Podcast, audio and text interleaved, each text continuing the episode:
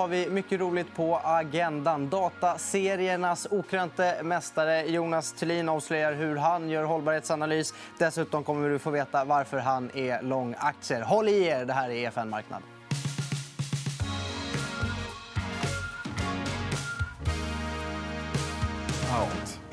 Jaha, Jonas Thulin, mm. välkommen tillbaka till eh, studion. Vi, eh, vi börjar i änden med din hållbarhetsanalys innan vi går på varför du är fortsatt lång aktier. Ja.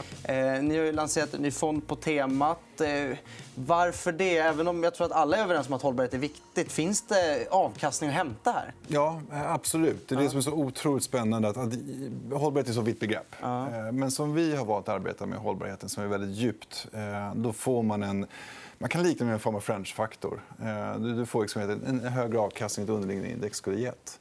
Men det kräver då att man går igenom en, en rad så att säga, nyckelhål för att, för att få upp den avkastningen.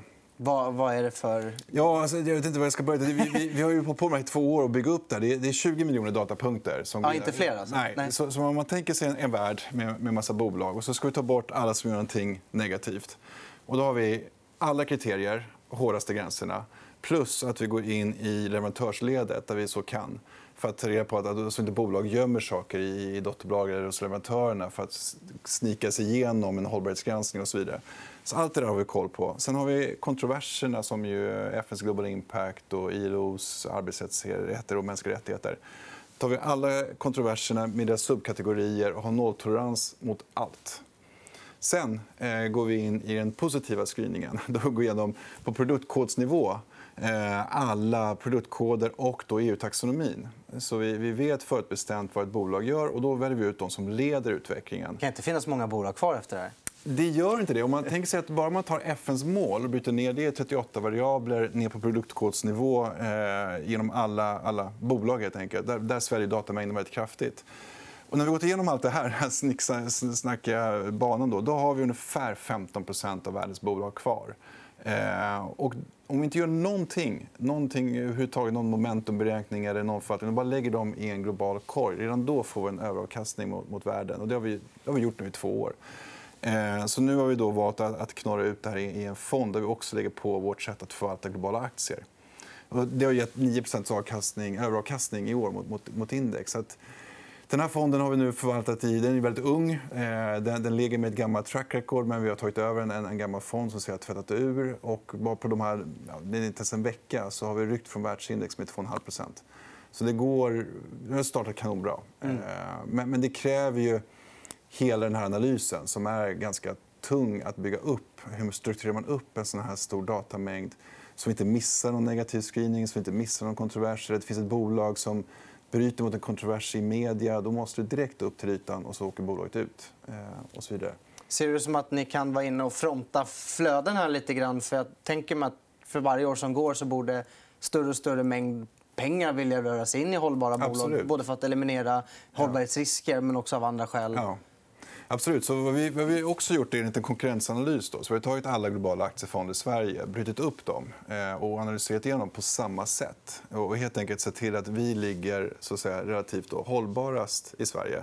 Vår tanke med det, det är egentligen inte att föra någon typ av agitation mot, mot andra fonder. Utan vår tanke är egentligen att vi vill hela tiden ligga i top tier. Mm. Vilket gör att vi vill hela tiden kunna ändra vår analys och skruva den hårdare, hårdare, hårdare. Lägga till, lägga till, lägga till fler variabler. Eh, för att hela tiden ligga i toppen. För att just där också kunna få nytta av det faktumet att, att flödena kommer och kommer komma fortsättningsvis eh, till den här sektorn. Mm.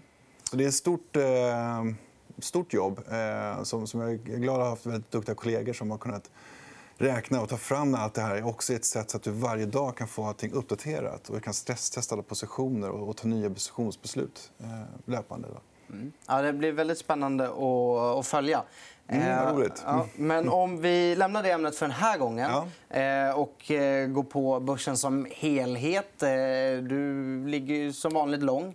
Mm. i dina positioner. Vilket det inte alltid är inte positivt. Alltid, men, men, men oftast. Och det är väl kanske inte så konstigt för att börsen går ju mer upp än vad den går ner. Så det väl... Ja, det gör det. Ja. Och, och, jag tycker, ibland har man argumentationen att, att, att det finns någon disconnect mellan makro och marknad. Jag brukar vända på det och säga att det är svårt att hitta en teoretisk skola som vi fått lära oss någon gång i nationalekonomin som inte klarar av att förklara börsuppgången just nu.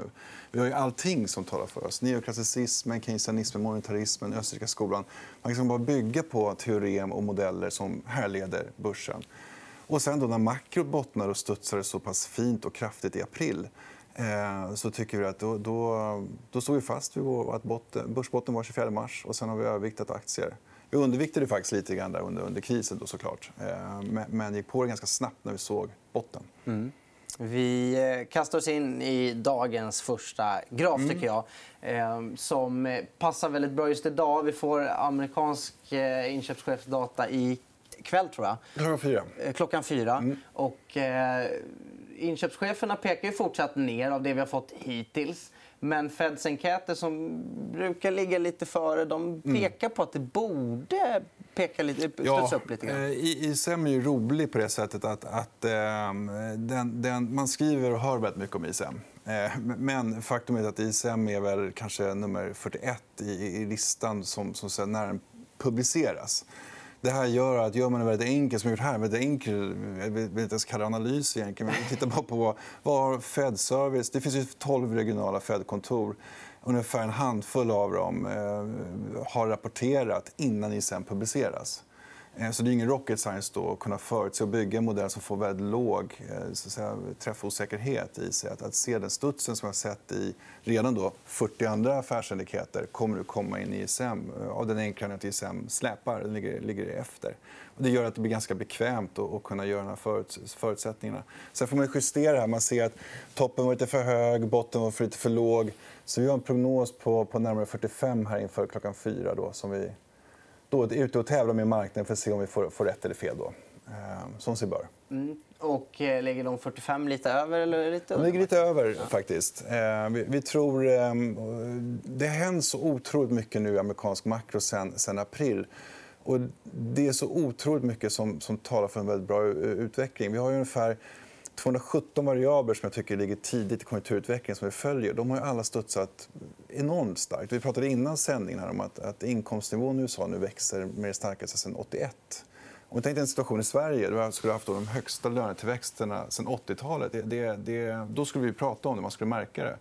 I USA har det hänt. Eh, och, och, det sätter sina spår i konsumtion, bland annat, som vi ser ticka upp ganska starkt på veckodata. Då.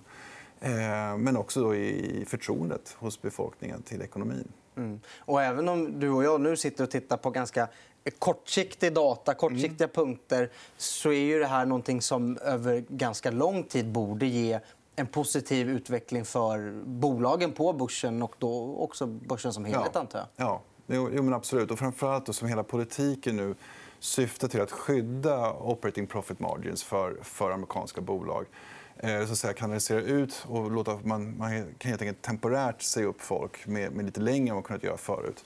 Och staten går in och skyddar dem som blir då temporärt uppsagda med så pass mycket pengar så totala inkomstnivån blir bättre än vad de skulle ha haft om de jobbade på minimum wage. Vilket, det är en jättepolitisk diskussion i USA, självklart. För det är det demokraterna, eh, förlåt, republikanerna tyckte var sådär i det här paketet.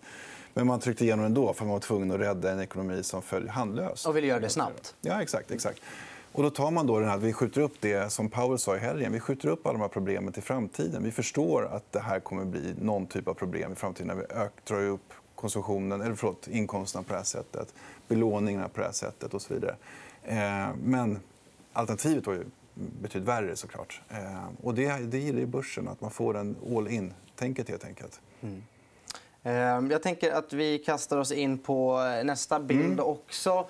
Ehm, du säger att du har slagits mot centralbankerna en gång och det gick inte så bra. Ehm, jag gjorde det en gång. Ja. Sen försöker jag lära mig från, från läxorna. På, på, och här ser man i grönt centralbanker då, antalet centralbanker som höjer eller sänker räntan. Och 06-07 där då, då kommer vi ihåg att då hade vi en period när vi hade väldigt många centralbanker som faktiskt höjde räntan. Man drog åt likviditeten ganska hårt under den perioden. Och sen var det då en husmarknad i USA som gick in i lågkonjunktur. Och sen ramlade allting omkull 2007 och sen vaknade börsen upp till det här mer och mer innan allting gick eh, total kollaps 2008. Och nu då man snabbspolar med ögonen längst fram till höger så ser vi då att det är nästan ett hundratal centralbanker nu som är ute och sänker räntan. Och det är det mesta vi har sett någonsin. Ska man lägga på en graf bredvid den här och titta på kvantitativa lättnader och mycket likviditet man ger ut i, i ekonomin via centralbankerna så är det också all time high. Så vi gör ju nu stimulanser som är de största och, och de mest omfattande som, som vi någonsin har gjort. Eh, och, och, det är ju också en ganska intressant läge att försöka då tajma, vilket vi då försökte göra. Kanske lite väl aggressivt, men vi kände där vid 24 mars att, att här är nog botten. och Då ska man snabbt gå på och börja övervikta igen. För att annars så missar man de här studsarna. Och, och det är de som är långsiktigt de absolut viktigaste att få med eh, i en långsiktig avkastning. Men hur ska centralbankerna någonsin våga strama åt om de inser att börsen går ner och de mm. stramar åt upp om de öppnar kranen? Ja, precis. Det där blir en extremt fin balansgång. vilket ju Fed försökte 2018 när de försökte gå, komma tillbaka. Lite det gick inte så bra. Det gick inte så jättebra. Eh, så frågan är om vi nu har kommit in i det som folk redan hävdade 2004. Att, givet hur eh, ekonomin hade börjat byggas upp med de här skuldcyklerna att du kan ta skuld från, från hushållen som då gick in i husmarknaden, så går upp på bankerna och sen går upp i samhället, sen är det centralbankerna. Och sen är det nationalstaten. Helt enkelt. Det är den här österrikiska kreditcykeln. Det är ganska spännande, för den har fått ganska rätt hittills. Men det där ger ju att nu är vi nära slutet. Nu är vi på nationalstatsnivå. Nu har vi ett, ett japanificering, eller rätt ord där eh, av västvärldens penningpolitik. Och, och det är det som många kanske tyckte vi borde ha hamnat i. Eh, och, och nu har vi backat in i det tack vare negativa räntor. också. Och då sitter vi i den båten. Och då kanske man ska börja utvärdera mer långsiktiga frågor som vi brottas med. Ska man ha räntor i en portfölj? Eh, är det verkligen rimligt? Och är det räntor då är det garanterat high yield till slut man kommer sitta för en avkastning. Och då är det samma kapitalbas som aktier. Då kanske det finns rimligare aktiestrategier att köpa. Alltså hela de här långsiktigt strategiska tillgångsfrågorna är extremt spännande. För att det är svårt att hävda att, att, att räntorna i Europa ska komma tillbaka till en rimlig nivå inom, inom, inom fem år. Det tycker jag. Mm. Eh, men, men det låter lite på dig som att vi kan vara på väg mot ett Japan-scenario i, i Europa och USA. Ja, alltså, min långsiktiga tes är att det var oundvikligt från början. När man valde att inte... Jag argumenterade under från finanskrisen att man skulle göra ett tyskt stålbad. Det är bättre att ta smällen på en gång och, och reda ut allting. Vad man gjorde nu är att man, man döpte om skulderna och paketerade om dem och la dem på andra ställen i samhället. Centralbankernas balansräkning, helt enkelt. Och det kan man göra till, till en viss gräns. USA har en fantastisk förmåga att kunna göra det ganska mycket. Så de är ju trots allt reservvalutan i, i världen. Andra länder har ju större problem med att kunna göra det tricket. Ehm, men det leder till att vi får en, en eh, japanificering. Jag ska inte säga det ordet. Men, men att det blir som i Japan. Helt enkelt. Vi får höga statsskulder. Vi kommer inte ur, ur det här. Och börsen kommer så att säga, trenda och slå. Men det går fortfarande att handla i det. Men det kommer inte alls bli samma, samma, samma race kring räntor och, och, och inflation på det sättet. Vad ska, om man nu tror att vi är på väg dit. Mm. Hur ska man då tänka med sina investeringar? Jag tror att vi hamnar ju, det låter lite ensidigt, men vi hamnar ju väldigt ofta i att titta mot, mot USA och till viss del också Storbritannien. För om man kollar på det man gör i USA nu, så får man inflation någonstans så, så kommer det bli där man trycker upp lönerna det mesta sen 81. Eh, och det, borde, det är USA. Och det är inflation man vill ha? Inkomsterna, inte lönerna. Ja, och det är inflation man vill ha? Ja, det blir mycket lättare med lite olja i maskineriet, helt enkelt, vilket inflationen oftast är. En inflation på 2-2,5 vore ju perfekt för, för väldigt många. Eh, men, men, det är väldigt svårt att komma till om man inte får lönerna och, och expansionen att komma. Och där ser vi att det går snabbare av det andra ute själv varit så att säga, enklare att göra den här policybanan i USA då, än, än, än i Europa. Mm. Ehm, jag tänker att vi tar och tittar på även nästa. Mm. Ehm, den här, här ska man hålla tungan rätt i mun. För grön är recessionsrisk fast inverterad. Så är den gröna långt ner då betyder det att det är hög recessionsrisk och är den gröna högt upp så är det låg recessionsrisk. Mm. Och den blåa är eh, S&P 500 va? exakt, har... på högeraxeln i årlig tillväxt. Ja, exakt. Och eh, då ser vi att de följer varandra ganska väl. Och nu ja. sen botten då så har ju recessionsrisken kommit ner och börsen upp. Ja. Så du är inte så rädd för recession längre? Nej, det, och det intressanta med den här, om man nu tittar och zoomar in här så ser man att den här börjar faktiskt bottna före mars månads slut. Ja. Eh, så att den här var väldigt tidig på att se eh, botten i konjunkturen. Och det, är såna här, det är det här jag menar. Det, det, har hänt så mycket i makrot. Eh, vi vet att Q2 kommer bli en total kollaps. Det, det, det, och det kommer knappast röra marknaden. arbetslöshet över 20% kommer inte heller troligtvis röra marknaden. Det är inte vad vi tror i alla fall. Givet att vi vet det, vi förstår att det är väldigt mycket temporära jobbtillfällen som har försvunnit eh, eller temporära uppsägningar eh, och så vidare. Och det här är också ett sånt tecken på att det har hänt så mycket i datan som nu har då, det utvecklats under maj, april och från slutet av mars. Eh, det är nästan då tre månader med en positiv utveckling. Och då har ju börsen gjort helt rätt i att handla in det. Eh, sen tror jag att, att misstaget kanske... Man ska inte stirra sig blind på att BNP det är som att köra bil och kolla i backspegeln. Det, det, det, går ju inte att eh, hantera pengar på det sättet. Det, det är en släpande data. Det är lite grann som ISM. Det är lite släpande. Det blir en bra bekräftelse när den kommer upp idag, vilket jag tror, hoppas att den gör. Men den kommer inte leda med så mycket. Utan då, då är det annan data man måste titta på. Mm. Eh, vi tar och tittar på den sista också. Tiden mm. börjar rinna oss lite ur händerna. Men eh, just nu så är det ganska stressat i euroområdet. ändå. Det ser inte lika kul ut i euroområdet kanske som i USA. Nej, eh, det men det, det talar för mer QE. Eh, ja, absolut. Och de här staplarna här pratar ju om, om eh, systematisk stress. Och det kom en ganska kul artikel på Bloomberg här i helgen om att nu har systematiska stressen pikat i Europa. Och det är att de här två staplarna längst till höger, den längst till höger är lite, lite lägre än den till vänster. Så här är man ju då jätteivrig på att se botten på utvecklingen i Europa, att det börjar vända. Den blåa är bara korrelationen i systematisk stress eh, genom euroområdet bara för att visa att det, det som händer i Italien får snabbt en påverkan. Eh, eller, eller nåt annat land. Det blir väldigt samkorrelerat, vilket är negativt i det här fallet. Eh, och det här talar för att vi får ungefär 500 miljarder euro till i deras PEP-program. Eh, troligtvis per program. Och, och, det är väl det som ligger i konsensus också. att Man måste börja agera på det här. Det, det, det går inte längre. Eh, och det är positivt. Vi sitter ju med ljus och lykta och letar efter... Det vore kul att se en europeisk strategi som kommer in på topp 100 i världen. I alla fall, så vi kan börja fundera på tanken att allokera någonting till Europa. Men just nu, om man eh, har lite pensionspengar eller någonting som måste in på marknaden, då tycker du att det är en bättre idé att få de pengarna placerade i USA än i Europa? Du vet ju mitt svar. Det bästa idén i vår nya fond. Det, det, det, det. Ja. Nej, men... Men, men... sen är det USA, absolut. Och tittar vi den fonden som ju då gör stockpicking över hela världen ja. så är det ju väldigt mycket amerikanska bolag för tillfället. Eh, det ligger en viss schweiziska och, och, och, och, faktiskt danska. Men, men, men annars är det en amerikansk tilt. Helt enkelt. Och även om man kanske tycker vadå, USA, amerikanska aktier har ju redan dragit så finns mer att hämta. Ja, jag tycker om man kollar på värderingar så gillar vi att använda alltså 12 månaders forward P-tal mot ett års förväntad avkastning. Så man tittar hela tiden framåt. Och, där ligger ni fortfarande ganska fair value. faktiskt. Mm.